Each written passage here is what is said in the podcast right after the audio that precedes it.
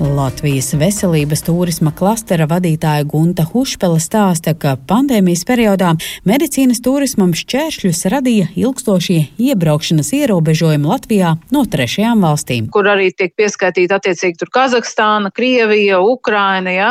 tad attiecīgi pēc šiem ierobežojumiem deva to zināmo rezultātu, kad 20. gadā pēc dinamikas Krievija vairs nebija kā pirmais tirgus medicīnas turismā Latvijai.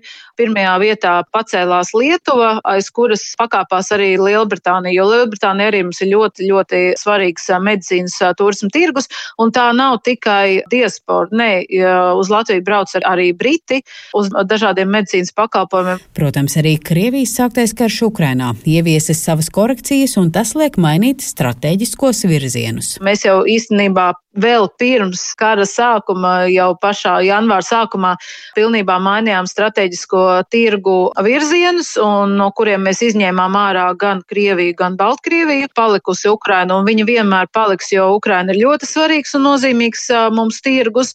Un viens, jā, tur notiek karš, bet otrs ir ļoti daudz iedzīvotāju, kuriem ir nepieciešamība gan plānveida operācijas, gan diagnostikas, gan steidzamas operācijas, un ja viņi nevar to veikt savā valstī, viņi to var darīt Eiropā un attiecīgi arī mūsu valstī. Brauc arī no Krievijas un uh, arī no Baltkrievijas, bet daudz jau mazākā skaitā mēs uz šiem tirgiem absolūti vairs uh, nefokusējamies. Latvijas mērķa tirgi medicīnas turisma ziņā ir Ziemeļvalstis, Lielbritānija, Īrija, Vācija, kā arī Lietuva un Igaunija. Uz jautājumu, vai Krievijas īstenotā kara dēļ Ukrainā ārvalstu medicīnas turisti piesardzīgāk raugās arī uz Latvijas apciemošanu medicīnas medicīnas nolūkos, Latvijas veselības turisma klastera vadītāja pauž šādi. Krasu vai manām tādu piesardzību vai atteiktas kaut kādas plānveidā operācijas vai diagnostiku mēs eh, no ārvalstu pacientu puses eh, pašreiz nu, nesaredzam. Tie, kas ir plānojuši, tie arī brauc, jo nu, veselības problēmas ir jārisina un nav tik lielas tādas bailes vai nedrošība eh, šajā gadījumā braukt uz Latviju. Nē, tā nav.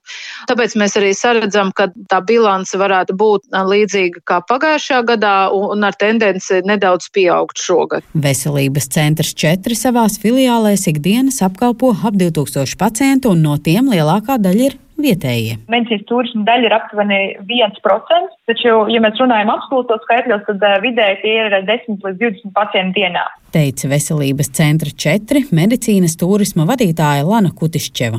Viņa stāsta, ka Veselības centrā 4 nav apsīkusi pacientu plūsma no Krievijas. Protams, tā ir mazāka nekā vēl pirms 2020. gada, kad Krievijas pacienta kopumā Latvijā medicīnas turisma jomā ieņēma trešo vietu. Medicīnas turisma kustība kā tāda, protams, protams, ir diezgan populāra lieta pasaulē. Un, protams, kaut kādā veidā mēs konkurējam ar dažādām pasaules valstīm. Protams, tuvākās mums ir konkurējošās valsts Lietuva un Igaunija, ko mēs izjutām patiesībā pandēmijas laikā, tāpēc, ka Latvija bija pēdējā valsts, kas noņēma pēdējos ierobežojumus ieceļošanai Latvijā no, teiksim, no ne Eiropas Savienības valstīm. Līdz ar to ļoti daudzi pacienti, kas būtu potenciālie mūsu pacienti, ceļo uz Lietuvu. Protams, tādas guru medicīnas turismā ir Izrēla, uz Izrēlu dodas ļoti daudz pacientu arī, bet uh, Tas ir tādā globālā līmenī jau, bet, protams, primāri mēs eh, konkurējam ar Lietuvu un Igauniju. Lana Kutišķeva skaidro, ka Latvijas trumpi starptautiskajā konkurencē ir konkurētspējīga cena, kvalitāte, jo medicīnas iestādes strādā ar jaunākajām medicīnas iekārtām, augsti kvalificēts medicīnas personāls, kā arī pakalpojumu pieejamība. Latvijas spēju medicīnas turismu jomā konkurēt starptautiski atzinīgi vērtē arī plastikas ķirurgs Jānis Zaržetskis, sakot, ka viņa klīnikā visvairāk ierodas pacienti no no apvienotās karalistes. Tiesa pandēmijas laikā te jau visi pacienti bija vietējie. Tad tagad var teikt, ka ir atkal atpakaļ. Gan vienā brīdī pat bija vairāk, jo viņi bija ļoti ilgi gaidījuši, kad varēs ceļot uz tām operācijām. Un tikko noņēma tos ceļošanas limitus, tad uh, varēja teikt, ka tāds uzrāviens neliels bija, bet tagad viss ir izlīdzinājies. Un, ja kopēja operāciju skaita skatās kaut kādi 30% tāpat ir, kas no kaut kurienes ir atbraukuši. Visgrūtāk ir pirmo pacientu dabūt no kādas citas valsts. un, ja tu viņu labi, labi izārstē, tad nākošie nav problēma.